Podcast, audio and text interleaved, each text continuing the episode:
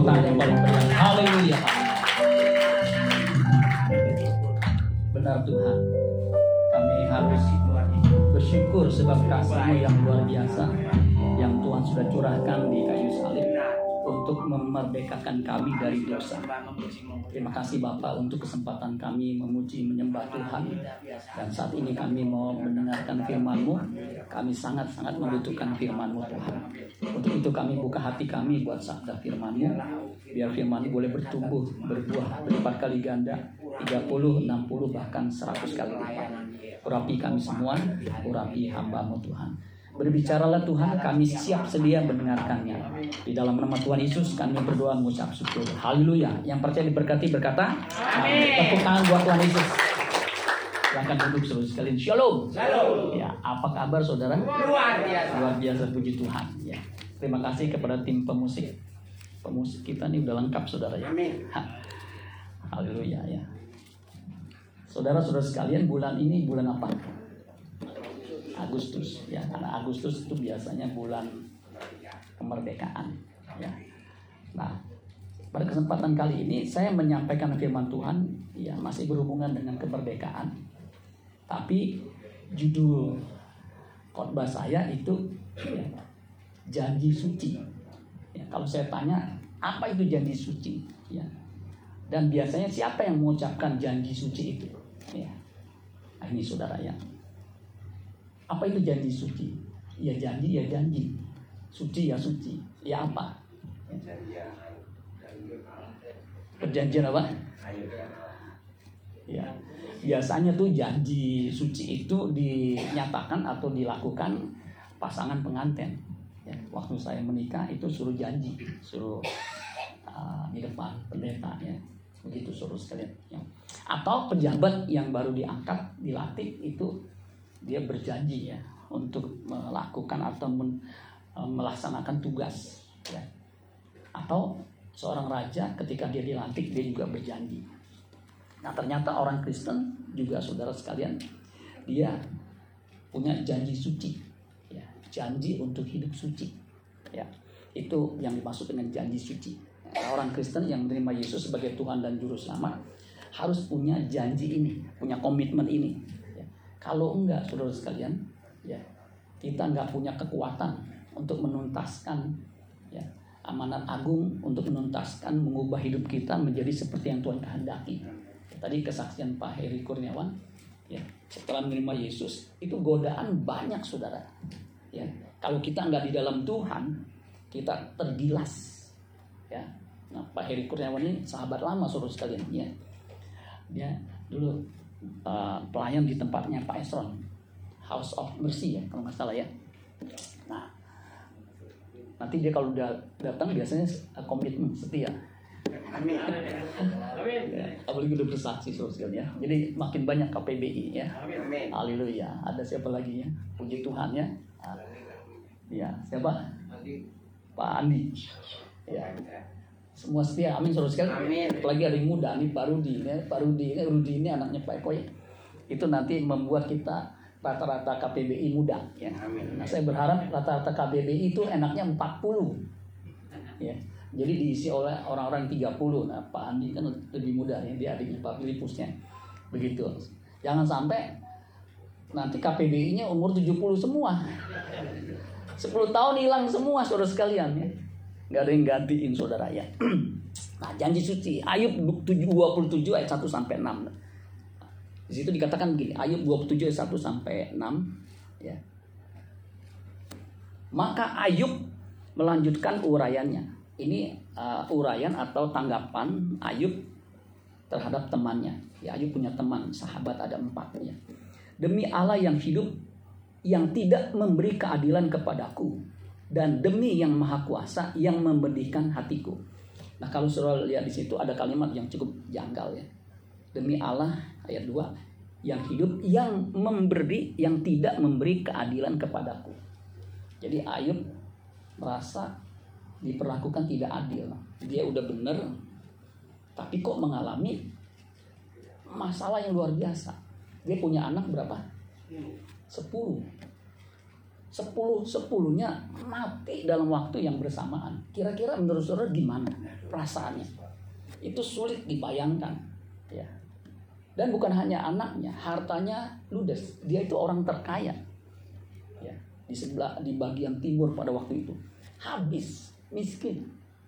Saya ketipu aja 50 juta, 60 juta belum belum lama ini ya. Itu merasa aduh ini kan susah nih lagi pandemi gini kan susah. 60 juta. Ini kalau saya beliin kerupuk saudara suruh makan pakai batu-batu. Itu rasanya hilang aduh ya. Dulu saya pernah kehilangan juga. Jumlahnya 5000 dolar. Itu juga merasa gimana. Ayub tuh semuanya hilang. Kesehatannya. Saya pernah sakit itu. Sakit yang paling parah itu 2012. Itu sampai saya kurus berat saya tinggal 45. Ayub tuh borok dari atas sampai bawah. Saya pernah herpes herpes mata. Itu sakit di mata ya. Obatnya susah. Saya bilang saya bisa buta nih begini. Aduh. Saya nggak izinkan orang besuk. Kalau besuk muka saya udah kayak monster. Ya, itu betul-betul mengerikan ya. Sampai saya bilang, aduh Tuhan ampuni saya. Saya mau mati aja ya, udah begitu tuh. Nah Ayub itu dari atas batu kepala sampai bawah. Makanya dia merasa Tuhan tidak memperlakukan dia dengan adil. Ya tidak memberi keadilan baginya. Dan juga dikatakan demi yang maha kuasa yang memedihkan hatiku. Hatinya pedih, kok jadi Kristen begini. Ya. Hidup saleh, jujur, takut akan Allah, kok begini. Ya. Nah ini yang luar biasa saudara Rahasia kenapa dia bisa tetap teguh gitu ya. ya. Ini kan kalau suruh baca Ayub kan 42 pasal. Ini di pertengahan. Ya. Makanya dalam ikut mengikut Tuhan itu harus konsisten terus menerus. Amin terus kan? Meskipun menghadapi tekanan begitu ya, jatuh bangun harus di dalam Tuhan. Amin. Ya, mesti punya tekad begitu saudara. Ya. Ayat 3 Selama nih perhatikan nih, ini tekadnya. Selama nafasku masih ada padaku, berarti masih hidup. Dan roh Allah masih di dalam lubang hidungku. Ya, ini masih hidup. Kalau lagu kemerdekaan kan hari merdeka kan ada kata kalimatnya selama hayat masih dikandung badan. Nah itu biasa suka dinyanyikan kan? Itu refnya itu begitu. Selama hayat masih dikandung badan, ya, kita tetap setia, tetap sedia mempertahankan Indonesia, membela negara kita, ya merdeka. Ah itu saudara ya. Ini sama. Selama nafasku masih ada padaku dan roh Allah masih di dalam hid, hid, lubang hidungku, maka perhatikan Bibirku sungguh-sungguh tidak akan mengucapkan apa? Kecurangan. Dan lidahku tidak akan apa? Melahirkan tipu daya. Orang kan paling mudah itu bohong, betul nggak? Paling mudah, ya. Kalau ngomong tuh uh, urusan belakangan, yang penting bohong dulu. Lu udah di mana? Udah di tikungan. Padahal tikungan kamar mandi. Mau masuk ke kamarnya, ya. Begitu. Padahal masih jauh Ya, udah ketikungan, belok kan tinggal sekali lagi. Ya. Padahal masih jauh. Ya. Paling gampang bohong. Nah, saya berharap saudara jangan. Kalau dia udah dibiasakan, nanti jadi habit. Refleksnya refleks dosa begitu. Ya. Orang mungkin tidak menghukum, ya. tetapi Tuhan tahu. Amin. Mata Tuhan melihat apa yang kau perbuat, baik yang baik, baik yang jahat. Jadi Tuhan tahu. Mata Tuhan tuh melihat. Ya. Nah kemudian dikatakan ayat yang kelima, aku sama sekali tidak membenarkan kamu. Ya. Sahabat-sahabatnya mengatakan ini pasti karena dosa. Ya, kalau sudah baca ayat tidak melakukan dosa apa pun. Ya. Kenapa? Orang yang bisa menjaga mulutnya, Yakobus mengatakan, sebab kita semua bersalah dalam banyak hal. Barang siapa yang tidak bersalah dalam perkataannya, ya, Yakobus 3 ayat 2, ia adalah orang yang sem sempurna yang dapat juga menguasai seluruh tubuhnya. Nah, Ayub tuh menjaga bibir mulutnya. Terus terbaca di Ayub pasal 2. Dia tidak apa menghujat atau memaki. Padahal istri berkata, ya, kutukilah alamu kemudian matilah kau. Ya, tetapi Ayub enggak. Dia memang mencapai kesempurnaan yang luar biasa. Ya, ya, tadi kalau Buddha itu mencapai kesempurnaan. Kita pun sebenarnya Yesus berkata, karena itu haruslah kamu sempurna, sama seperti Bapamu di sorga sempurna. Nah kata sempurna di situ teleios. Itu adalah karakter Kristen, uh, karakter Kristiani yang harus kita kejar. Amin saudara sekalian. Itu pertumbuhan rohani yang kita harus capai, yaitu sempurna seperti Bapa. Artinya serupa dengan Kristus. Ya. Model yang kita harus capai itu sempurna seperti Kristus, serupa dengan Kristus, sempurna seperti Bapa. Itu menjadi target kita. Nah, cirinya apa? Tidak bersalah dalam perkataan. Ya. Makanya Petrus mengatakan kalau kamu ngomong tuh ngomong seperti orang menyampaikan firman Tuhan. Kalau kita menyampaikan firman Tuhan kan kita berusaha sebaik mungkin perkataan kita tuh diurapi. Jadi setiap kita mengucapkan sebisa mungkin jangan slip of tongue. Banyak kan orang yang slip of tongue. Ya, bukan hanya sekedar keslip ngomongnya lafalnya salah, tetapi salah ucap. Ya.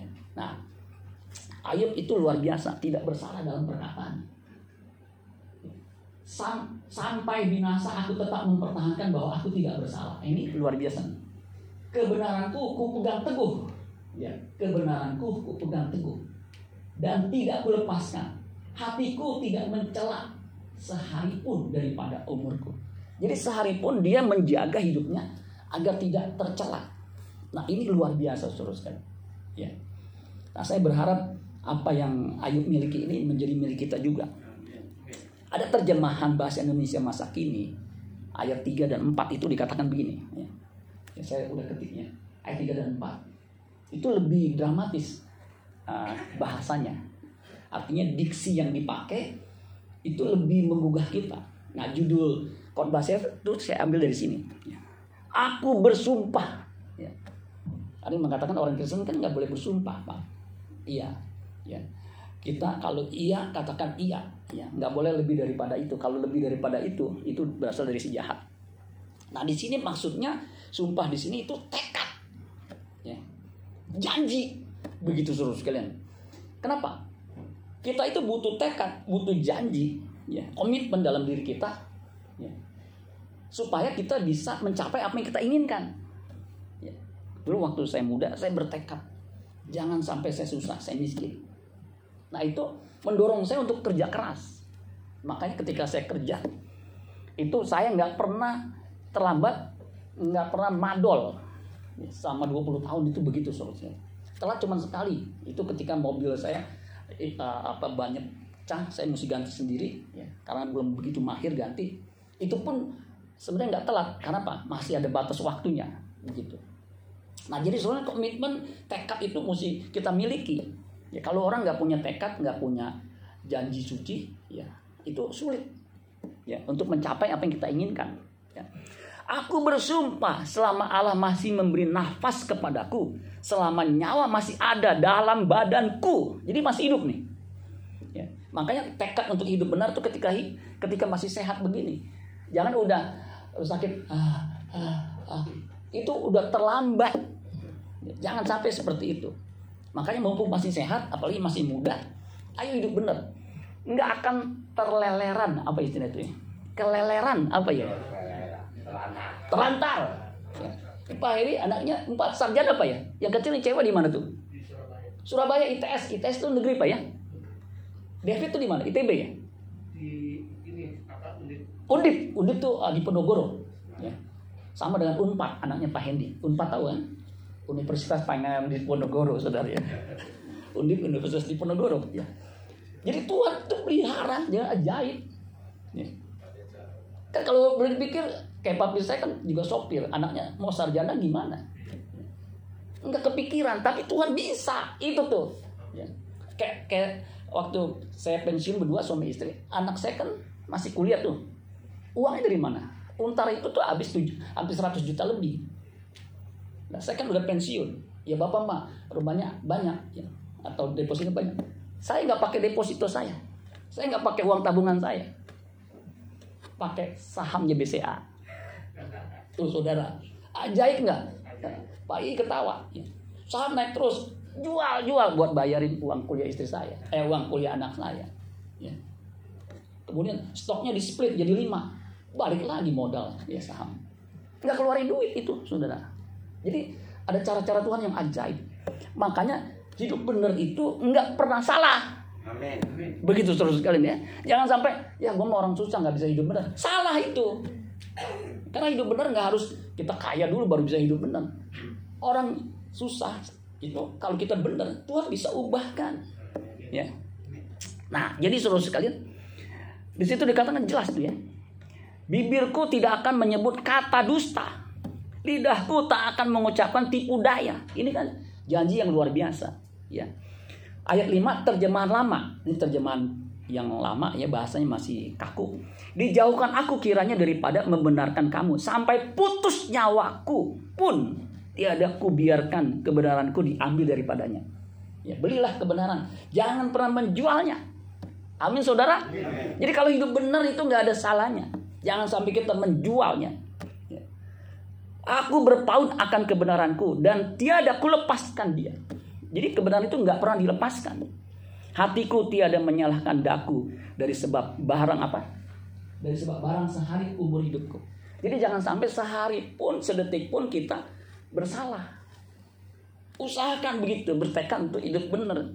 Bahkan kalau perlu dari menit ke menit, dari detik ke detik, dari ucapan yang sederhana. Di sosmed itu hati-hati tuh.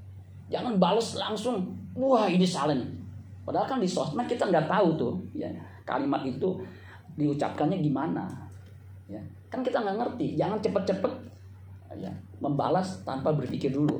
Wah ini kemarin mengatakan ya, kita jangan cepat marah, tapi lambat marah, lambat berbicara. Amin saudara sekalian. Nah itu ya ini kan kita series karakter Kristen ya, pria yang berkarakter ilahi itu kan series. Nah kita diajar untuk apa? Jangan sampai dengan mudahnya kita dalam media sosial itu berbuat salah. Ya. Apalagi menyesat-nyesatkan orang. Waduh, itu bahaya. Nah, ada King New King James. Abis deh. Pakainya dia. Tes. Tes. Tes. Nah, King James mengatakan, Till I die, I will not put away my integrity from me. Sampai aku mati, Ya. Aku tidak akan me, me, apa, menjual atau melepaskan integritasku. Ya, makanya judul dari perikop ini itu judulnya apa? Ayub mempertahankan integritas hidupnya. Itu judulnya. Kalau suruh baca di di apa namanya di King James, Job maintains his integrity. Jadi sampai dia mati dia tidak akan melepaskan integritasnya. Integritas itu penting suruh sekalian. Kalau suruh punya integritas, di mana pun saudara, saudara akan diterima. Ya. Saya percaya itu. Kenapa anaknya Pak Heri itu ya, bisa langsung di di, di, di hire oleh Pertamina. Pertamina itu nggak mudah saudara sekali. Nanti dia ketemu sama Ahok saudara ya, pemisarisnya ya. Itu perusahaan besar. Ya kalau perusahaan besar kayak Exxon, apa Slumberjee, apa segala macam itu kan perusahaan-perusahaan asing. Nah negerinya itu Pertamina. Ya biasanya gajinya jauh lebih besar daripada uh, perusahaan-perusahaan lain. Karena mungkin punya integritas. Ya. Dan saya yakin itu. Nah, jangan sampai kita nggak punya integritas. Kalau orang Kristen nggak punya integritas, ibarat main kartu, mati apa? Udah nggak bisa dicak lagi, udah mati kutu dah begitu saudara ya. Nah berikutnya tekad Ayub itu bukan hanya diungkapkan di Ayub 27, tetapi di Ayub 31. Ya, ini saya pernah sampaikan uh, udah lama sekali Ayub 31 ayat 1 bahasa Indonesia masa kini mengatakan begini. Ya, ini juga kata-katanya cukup dramatis. Dengan sumpah aku telah berjanji, lihat. Janjinya sampai bersumpah. Gadis muda tak gadis muda tak akan kupandang dengan berahi.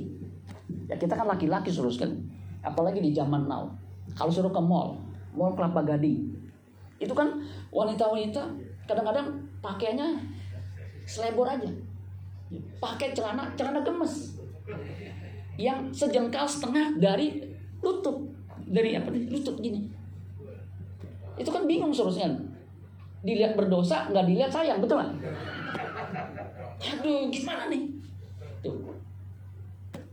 Itu tuh pergumulan ya, saudara ya jadi dia bilang dia janji dia bersumpah dia berjanji garis muda tak akan kupandang dengan birahi kalau firman Allah yang hidup mengatakan begini, aku telah berjanji untuk mengekang mataku. Nih mata ya.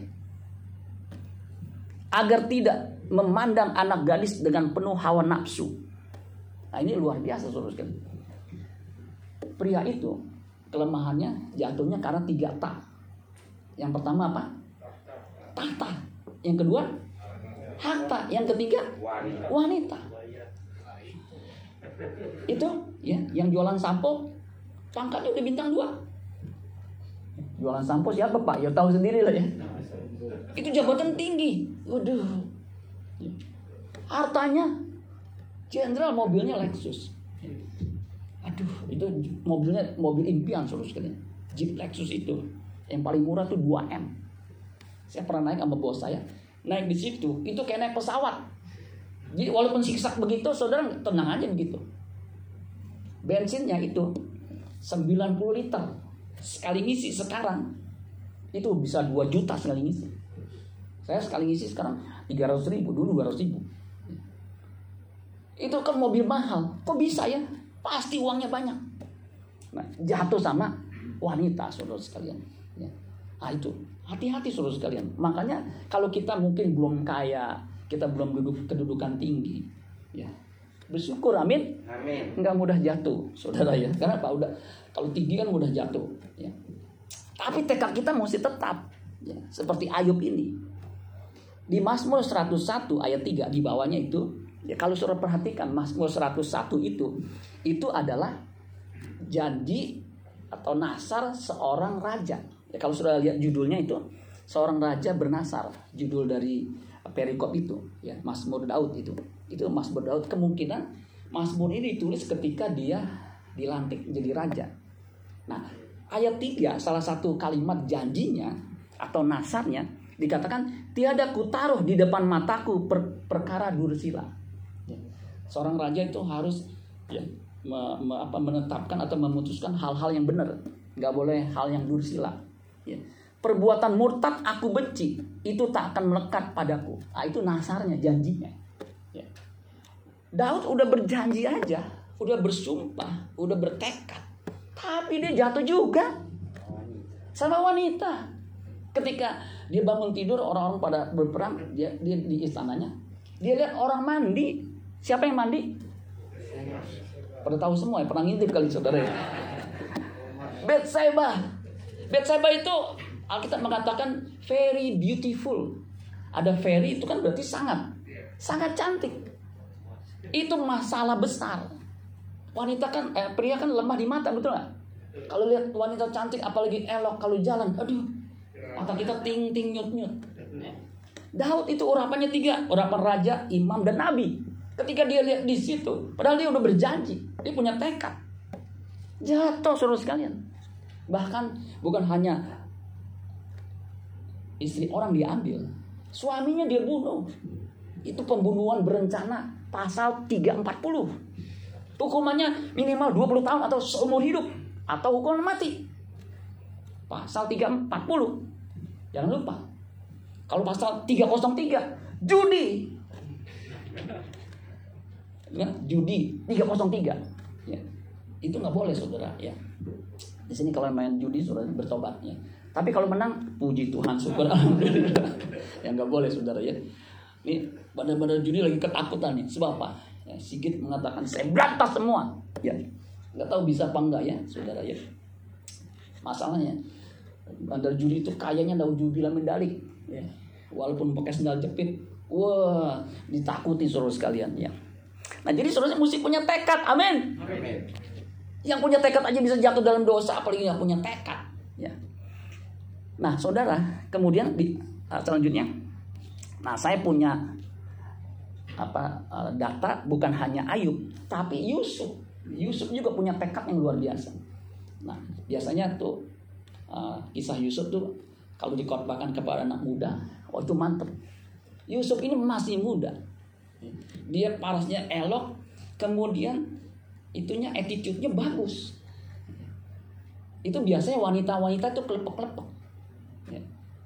Udah can, udah ganteng ya. ya.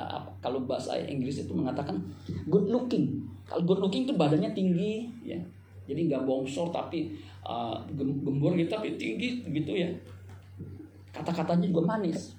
Nah ini Yusuf. Makanya majikannya yang perempuan ngeliat, wih ini kok pria ganteng sekali ya. Itu digoda. Biasa kan yang menggoda itu laki-laki, betul nggak? Ya. Ini wanita yang menggoda. Karena memang Ayub itu, Yusuf itu ganteng luar biasa. Tetapi Yusuf itu udah punya ketetapan hati. Ketetapannya apa? Kalau suruh baca itu jelas ketika dia digoda. Itu keluar tuh. Ya. Bahkan di rumah ini ia tidak lebih besar kuasanya daripadaku dan tiada yang tidak diserahkannya kepadaku selain daripada engkau. Sebab engkau istrinya. Bagaimanakah mungkin aku melakukan kejahatan yang besar ini dan berbuat dosa terhadap Allah? Ini pasti dia punya komitmen tinggi. Punya apa ketetapan hati yang luar biasa. Makanya ketika ada godaan itu dia berketetapan, bagaimana mungkin aku melakukan dosa yang besar ini? Bagi dia itu dosa besar.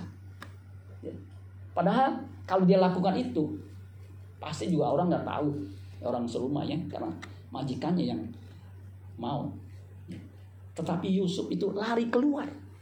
Ya, itu sebagai bukti janjinya, dia lari keluar. Nggak lari di tempat.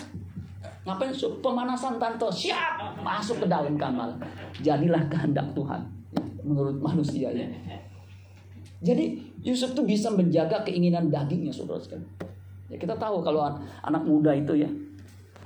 Ini tante Po ini istri Potifar ini diyakini oleh ahli Alkitab itu pasti cantik jelita kenapa dia istri pegawai pengawal istana istri pejabat pada waktu itu pasti yang cantik-cantik.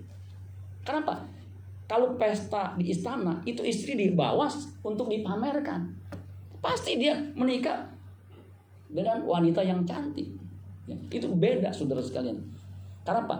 Orang yang berpangkat pasti memilih istri yang cantik. Nah, kalau Yusuf digoda sama Tante Po, istri cantik, itu memang godaan. Tapi kalau udah umur 60, udah peot itu bukannya godaan, musibah. Dia lari mah iya wajar lah. Ya, begitu terus kalian ya. Ya, Yusuf kenapa bisa begitu? Karena dia punya komitmen, punya tekad. Saya bisa beberkan orang-orang yang luar biasa. Daniel, Daniel itu saudara, coba baca Daniel pasal 1 ayat yang ke berapa tuh ya? Ayat ke-8. Coba bisa dibuka Aldi-nya. Dia juga punya ketetapan hati. Dia punya apa namanya uh, tekad untuk tidak mencemarkan tubuhnya. Coba Daniel 1 ayat 8 dikatakan begini. Bisa ditampilkan. Daniel berketetapan untuk tidak menajiskan dirinya dengan santapan raja dan dengan anggur yang biasa diminum raja. Dimintanya lah kepada pemimpin pegawai istana itu supaya ia tak usah menajiskan dirinya. Padahal santapan raja anggur raja itu pasti yang the best betul nggak saudara sekalian? Saya pernah makan sajian dari orang-orang kaya. Ya.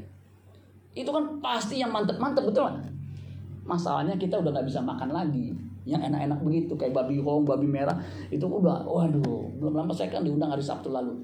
Saya lihat kagak ada yang makan tuh babi hong gede begitu ya. Pas saya makan oh halco sencing ya istri saya udah ngeliatin ya jangan banyak-banyak ya. Saya udang saya makan. Aduh jangan banyak-banyak ya. itu masih bereran. Kalau saya kagak malu tuh saya bungkus terus saya bawa pulang ya. Buat siapa? Buat kucing sama anjing. Padahal saya bungkus saya makan bisa dua hari dua malam terus sekalian pasti enak-enak. Tapi demi untuk menjaga kesucian tubuhnya kesucian hatinya dia nggak makan. Karena kemungkinan makanan yang diberikan kepada Daniel itu dan teman-teman yang lain itu bekas dipersembahkan. Jadi Daniel nggak mau makan sebagai orang Yahudi dia nggak mau makan. Kalau terjemahan Alkitab yang hidup mengatakan begini, Daniel sungguh-sungguh bertekad dalam hatinya untuk tidak mencemarkan dirinya dengan santapan raja dan dengan anggur minuman raja. Jadi bertekad. Jadi penting saudara sekalian untuk kita punya tekad. Ya. Nah orang Kristen punya nggak tekad? Harus, amin. Amin. Karena apa? Paulus itu mengajarkan kepada jemaat Tesalonika 1 Tesalonika 4 ayat 7 sampai 8 dikatakan begini. Allah memanggil kita bukan untuk melakukan apa yang cemar, melainkan apa yang kudus. Ingat tuh. Kita nggak boleh melakukan apa yang cemar, melainkan apa yang kudus. Karena itu siapa yang menolak ini menolak untuk hidup kudus, bukanlah menolak manusia, melainkan menolak menolak Allah yang telah memberikan roh nya memberikan juga rohnya. Rohnya apa? Kepada kamu. Makanya rohnya Allah itu disebut roh kudus. Waktu kita percaya Yesus, Efesus 1 ayat 13, itu Roh Kudus dimeteraikan, diam dalam diri kita. Untuk apa? Membantu kita mengerjakan keselamatan. Ya, Filipi 2 ayat 13. Mengerjakan keselamatan karena ayat 12 itu kita dengan takut dan gentar mengerjakan keselamatan. Makanya Roh Kudus membantu kita. Yang punya hasrat suci, punya gairah, punya spirit, semangat. Kalau saya nggak punya semangat, spirit, gairah untuk hidup suci, Roh Kudus bagaimana mendorongnya? Kan kita punya kehendak bebas, free will. Ya. Itu yang kita harus gunakan dengan apa? Punya tekad. Ya. Terjemahan versi mudah dibaca. Allah telah memanggil kita untuk hidup suci, bukan hidup dalam dosa. Jadi orang yang menolak ajaran itu, ini ajaran Kristen, ajaran Kristus, ajaran Paulus. Ia bukan menolak manusia tetapi menolak Allah yang memberikan roh kudusnya kepada kami. Jadi kalau jadi orang Kristen, hidupnya masih amburadul, apalagi sudah lama. Tapi yakin masuk surga. Itu bahaya saudara, sangat bahaya. Nah saya berharap kita mau berubah, amin saudara sekali. Kita sering ajaran Kristen itu uh, kayak hipergres itu dipermudah. Walaupun dosamu merah seperti kimisi, akan menjadi putih seperti salju. Walaupun merah seperti kain kesumba, akan putih seperti bulu domba. Saya lanjutkan, walaupun hitam seperti bulu ketek, akan putih seperti bulu bebek. Jadi nggak apa-apa, dosa terus. Paulus bilang begini, ya. Bolehkah kita bertekun dalam dosa supaya kasih karunia bertambah-tambah? Roma 6 ayat 1 Paulus berkata, sekali-kali tidak. Jadi jangan sampai coba-coba. Itu ajaran Kristen. Amin, saudara sekalian. Keluarlah kamu di antara mereka. 2 Korintus 6 ayat 17. Pisahkan dirimu. Jadi kita yang harus punya komitmen untuk apa? Keluar dari mereka yang? Yang tidak mengenal Allah, yang hidupnya amburadul. Ya. Jadi tekad kita tuh mesti begitu saudara sekalian. Nah umat PL sama umat PD sebenarnya tuntutannya sama. Kalau suruh baca di 1 Petrus 6, 1 ayat 16, kuduslah kamu sebab bukan kudus. Itu kutipan dari imamat. Pasal 19 ayat 2. Imamat 11 ayat 45. Itu dikutip para Rasul Paulus. Ya, kuduslah kamu sebab aku ini kudus. Tuntutannya sama. Umat PL sama umat PB. Umat PL diwakili oleh Ayub. Sampai mati pun ku pertahankan bahwa aku tak cemar. Hati nurani ku pun bersih selalu. Nah, nurani ini saudara nanti akan tinggal di kekekalan. Makanya jangan sampai dikotori. Jagalah hatimu dengan segala kewaspadaan. Karena dari situlah apa? Terpancar kehidupan. Kalau hati nurani belum mati, saudara sekalian, itu orang bisa tega, ya. Ajudannya yang sudah mengabdi itu bisa ditembak di depan mata. Ya saya nggak tahu katanya sih nembaknya begitu. Saya nggak ngerti apa kesalahannya sampai seperti itu. Nanti kan nanti kita akan menunggu sidangnya. Saya ngikutin hampir dua bulan ini terusnya. Sebab apa? Bagi saya, aduh kok bisa begitu ya. Pelajaran loh saudara sekalian. Jangan sampai hati nurani kita mati. Ya. Jangan sampai kita melayani, melayani, nurani kita mati. Jahat. Memang tidak membunuh secara fisik. Tetapi membunuh karakter orang. Waduh, itu mengerikan. Nanti di ujung maut orang-orang seperti itu. Ketakutan. Ya. Jadi orang Kristen maupun umat PL itu sama. Ya, panggilannya untuk melakukan apa yang kudus, bukan apa yang cemar. Yang setuju katakan amin. amin. Nah kalau saya boleh simpulkan melalui bagan, jadi siapa yang berjanji, ya umat perjanjian lama tadi, Ayub, Yusuf, ada Daniel ya. Sama umat PB juga begitu. Harus punya tekad. Amin saudara sekalian. Harus punya komitmen untuk hidup benar. Yang punya komitmen, yang punya tekad aja bisa jatuh. Apalagi nggak punya tekad. Ya. Ada di Efesus pasal 4 ayat 26. Itu serakah dalam melakukan kecemaran. Saya sampai bingung. Kok ada orang serakah? Biasanya serakah sama duit. Ini serakah dalam melakukan kecemaran. Itu kenapa?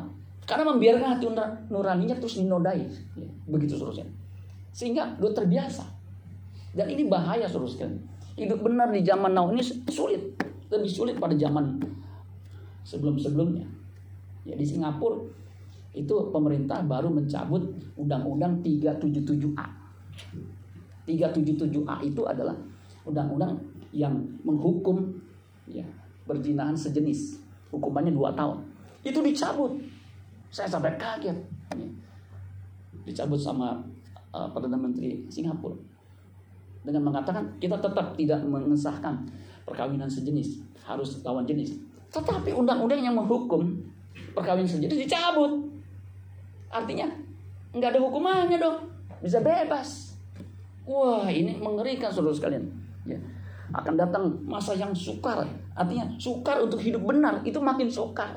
Makanya tekad saudara harus makin kuat. Amin, amin. berjalannya waktu harus punya kekuatan tekad ini. Kalau nggak kita digilas habis. Orang yang cemar akan makin cemar. Wahyu 22 ayat 11. Orang yang berdosa akan terus berbuat buat, buat dosa.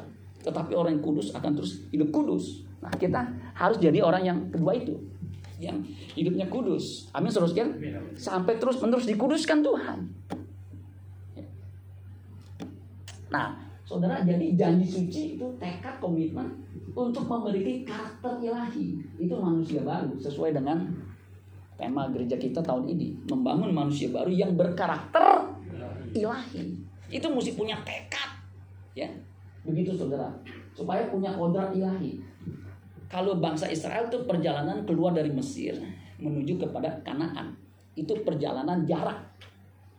Kita itu keluar dari kodrat dosa ke kodrat ilahi. Itu perjalanan perubahan. Berat mana? Berat kita. Sebab dalam diri kita tuh ada kodrat berdosa yang tidak bisa tidak berbuat dosa, non pose, non pekare. Kita ingin melakukan yang baik, yang jahat kita lakukan. Kalau nggak punya tekad, Roh Kudus nggak membantu kita. Kita, biarpun dia Kristen, itu membunuh membunuh aja. Kenapa?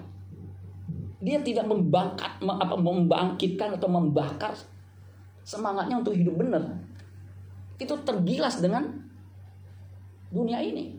Makanya meskipun Kristen, ibadah mungkin. Tapi bisa membunuh orang dengan keji begitu. Sampai nasional. Itu pemberitaannya. Bukan hanya di Kapolri, di legas, legislatif. Aduh sampai saya bingung bisa begitu. Nah itu solusinya, itu pelajaran yang luar biasa kalau menurut saya ini. Ya. Jadi mesti punya tekad, integritas. Yesus itu manusia 100% sempurna manusia seperti kita. Ya, kalau dia lapar, dia lapar butuh makan. Haus dia minum. Ya. Tapi dia hidupnya benar. Dia belajar menjadi taat, menjadi saleh. Di Yohanes 8 ayat 46 dia berkata, Siapa di antaramu yang membuktikan aku berbuat dosa? Enggak ada. Ketika di kayu salib, ya, itu kepala pengawal mengatakan, sungguh orang ini orang benar. Sebab orang benar itu kelihatan dari ketika dia menderita. Ya, mulutnya itu mengucapannya apa? Biasanya ketika orang di kayu salib kesakitannya itu luar biasa. Dia itu maki-maki, bahkan keluar maki-makian terhadap yang menyalibkan atau terhadap orang yang melakukan penyaliban itu. Kata-kata yang tidak pantas. Kalau saya bisa bayangin nih, kalau bukan Yesus disalibkan, lu setan semua, kurang ajar lu, wah gitu. Tapi Yesus kata-katanya apa? Iya Bapak, ampunilah mereka sebab mereka tidak tahu apa yang mereka perbuat. Pengampunan. Enggak ada kata-kata tujuh perkataan Yesus kayu itu yang negatif, enggak ada. Seperti Daniel sama Yusuf. Suruh cari Alkitab. Ada nggak dia dosanya? Pelanggarannya. Kalau Abraham kan ada, dia bohong sama raja di Mesir. Ya. Yakub bukan hanya bohong, rajanya bohong. Daniel sama Yusuf enggak ada. Yesus apalagi? Siapa yang membuktikan? Nggak ada. Kalau kita mungkin masih belum berani ya, ya begitu kesalahan kita masih ada. Tapi kita harus juga berjuang seperti Kristus. Amin saudara sekalian. Menjadi perawan sucinya. Jadi hanya orang yang berkodrat ilahi yang menjadi perawan suci yang nanti bakalan tinggal di kekekalan. Nah itu perjuangan kita seumur hidup. Amin. Waktu kita dimerdekakan kita nggak berhenti. Kita berjuang. Makanya Galatia 5 ayat satu, supaya kita sungguh-sungguh merdeka, Kristus telah memerdekakan kita. Karena itu berilah teguh dan jangan mau jangan lagi jangan mau lagi dikenakan kuk perhambaan. Beri teguh, tekad. Karena ada kemungkinan kita jatuh lagi. Tadi kan Pak Heri itu, ya bukan satu kebetulan tuh, jadi ilustrasi saya. Udah jadi Kristen, masih main judi. Masih main judi Pak ya? Ah, enggak waktu dulu itu ya. Kalau sekarang ya kalau ini udah pasti enggak ya ketahuan dari buah-buahnya ya. Kita masih punya potensi untuk apa? berbuat dosa, tetapi kita punya kekuatan untuk tidak berbuat dosa. Itu kalau dalam Kristus memerdekakan. Makanya kita harus mengisi kemerdekaan kita. Di ayat yang ke-13, saudara-saudara, memang kamu telah dipanggil untuk merdeka. Tetapi janganlah kamu mempergunakan kemerdekaan itu, sebagai kesempatan untuk kehidupan dalam dosa. Melainkan layani yang seorang akan yang lain oleh kasih. Jadi suruh sekalian harus kita mengisi kemerdekaan yang Tuhan sudah lakukan di kayu salib tetelestai. Itu dengan apa? Hidup tidak berbuat dosa. Amin saudara sekalian. Di Efesus 4 ayat 19 versi mudah dibaca mengatakan mereka telah kehilangan rasa malu dan mengisi hidupnya dengan melakukan yang tidak pantas. Jadi jangan sampai kita mengisi kemerdekaan kita mengisi hidup kita yang sudah dimerdekakan, sudah percaya Yesus dengan hal yang tidak pantas. Itu tidak mudah. Di Efesus 4 ayat 26, ya kemarin juga disinggung, ya. Jangan kamu berbuat dosa. Kalimat sebelumnya, jika kamu marah, jangan kamu berbuat dosa. Jangan matahari terbenam sebelum amarahmu padam. Artinya apa? Kesempatan ya untuk kita berbuat dosa itu kita harus batasin. Jangan sampai tanpa batas. Amarah jadi dendam, itu jadi dosa. Bisa melahirkan pembunuhan. Jangan sampai. Makanya ketika Yesus membebaskan perempuan yang kedapatan berzina, kan garing menghukum. Karena pada waktu itu, ya, para rabi-rabi, ya, para ahli Alkitab mengatakan dia sudah berbuat dosa berzina. Yang ditangkap cuma perempuan. Kalau berzina kan laki perempuan, betul nggak? Ini yang ditangkap perempuan. Kalau hukum Musa itu mesti dirajam batu sampai mati. Yesus berkata, siapa di antaramu yang tidak berbuat dosa? Dia yang pertama kali lemparin tuh perempuan itu. Saudara tahu nggak? Mereka satu persatu pergi. Yang pergi duluan yang mana saudara Yang tuaan. Karena tuaan lebih banyak dosanya. Pergi satu persatu. Yesus berkata, nggak ada yang menghukum kamu, nggak ada Tuhan. Yesus berkata, jangan berbuat dosa lagi. Mulai dari sekarang. Jadi kalau mau stop dosa sekarang, amin saudara sekalian. Tekadnya begitu. Kita mesti sama-sama berjuang. Ya, sama-sama berjuang. Bukan bukan hanya saya, saudara juga, bukan hanya saudara, saya juga. Amin saudara sekalian. Itu mengisi kemerdekaan. Ya. Karena kesempatan kita untuk hidup ini terbatas.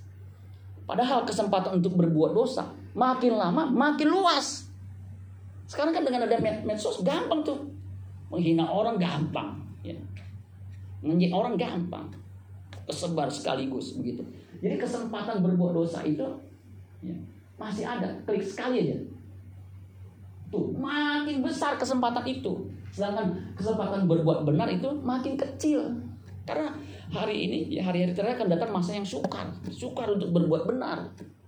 Makanya tekad kita mesti makin besar. Zaman dulu saya kalau bacaan-bacaan stensilan itu sulit didapatnya. Kalau sekarang, eh udah begitu mudah. Makanya kita mesti punya tekad. Itu nggak mudah, saudara sekalian. Dan ini, saudara, perjuangan kita. Kalau kita tidak punya tekad, klik sekali. Itu kesempatan berbuat benar hilang. Kita dikuasai untuk apa? Berbuat dosa. Makin lama makin parah. Makanya dikatakan, saudara-saudara, memang kamu telah dipanggil untuk mereka. Tetapi janganlah kamu mempergunakan kemerdekaan itu sebagai kesempatan untuk kehidupan dalam dosa. Melainkan layaninya seorang akan yang lain oleh kasih. Jadi kesempatan kita hidup ini jangan untuk berbuat dosa. Kalau saya boleh simpulkan, boleh nggak saya simpulkan? Boleh. Boleh ya. Jadi seterusnya kalau kita sudah diberdekakan oleh Kristus, ya sudah ditebus, diselamatkan, status kita sebagai anak Allah Ya, itu baru status. Keberadaannya belum. Nah, untuk bisa punya keberadaan seperti Kristus anak Allah yang berkarakter ilahi, manusia baru yang punya integritas, itu harus punya tekad yang kuat. Nanti Roh Kudus, tekad itu kan hasrat, gairah, spirit. Nanti Roh Kudus akan memberikan kita kekuatan. Untuk apa? Untuk terus menerus hidup benar. Hidup itu nggak lama loh saudara. Saya ini ya, udah mau 60. Kalau saya bisa hidup 70, itu kan kurang lebih 10 tahun itu nggak lama kita bisa mati kapan pun ya yang amin dikit terus kan ya Bisa mati kapan pun. Amin. Makanya saya nggak mau badminton. Sebab apa? Kemungkinan saya mati di lapangan itu besar. Kenapa? Saya ini punya metabolisme yang mudah tensinya tinggi. Kenapa saya tahu begitu? Ketika MCU, ya dulu saya masih rutin MCU. Karena dibiayai MCU cukup mahal, suruhnya 3 juta 500 apa, apa 4 juta begitu ya. Jadi saya MCU. Di tes treadmill, wah lari saya. Saya waktu itu masih olahraga badminton ya. Tahu kan olahraga badminton? Itu olahraganya Batman, badminton. Pasang gitu ya. Pakai alat-alat, wah gitu. Udah, ini Pak, kalau bisa kuat setengah jam, bagus. Kalau nggak stop 15 menit. Saya lari begitu ya. Ah, pakai itu treadmill. Pas 9 menit, Pak, Pak, ini kok tinggi ya? Mau stop nggak? Masih kuat nggak? Masih. Wah, saya kejar terus. Makin tinggi tensinya tuh. Ya, biasa kan tensi 120, 130, 190. Dokternya ketakutan, takut mati waktu dites. Jadi pas stop aja. Kenapa sih masih kuat? Ini tensi tinggi nih. Saya nggak berasa pusing, saya berasa seger aja. Itu peringatan suruh sekalian. Ya. Makanya banyak orang mati main badminton. Itu kenapa? Nggak sadar, tensinya udah tinggi, kemudian pecah pembuluh darahnya langsung stroke, mampus saudara sekalian. Jadi bisa kapan pun. Sebenarnya saya udah gatal tuh ya, saya, saya mau datang, saya mau main, mau cemes-cemes begitu ya. Kita bisa mati kapan pun. Ya. Makanya hati-hati suruh sekalian. Nah ini pendetanya Pak Andi waktu di sana itu meninggal karena main badminton. Nah pendetanya itu waktu waktu PDP itu bareng sama saya. Ya. Itu dia kan dokter, jadi dia main badminton tuh. Kemudian dia istirahat agak pusing begitu dia duduk. Kenapa dok? Aduh agak pusing. Tapi nggak apa-apa kok. Ya saya tahu deh. Duduk begini terus kan katanya, ini kata ceritanya. Teman-temannya udah main, eh dia diam aja masih di situ.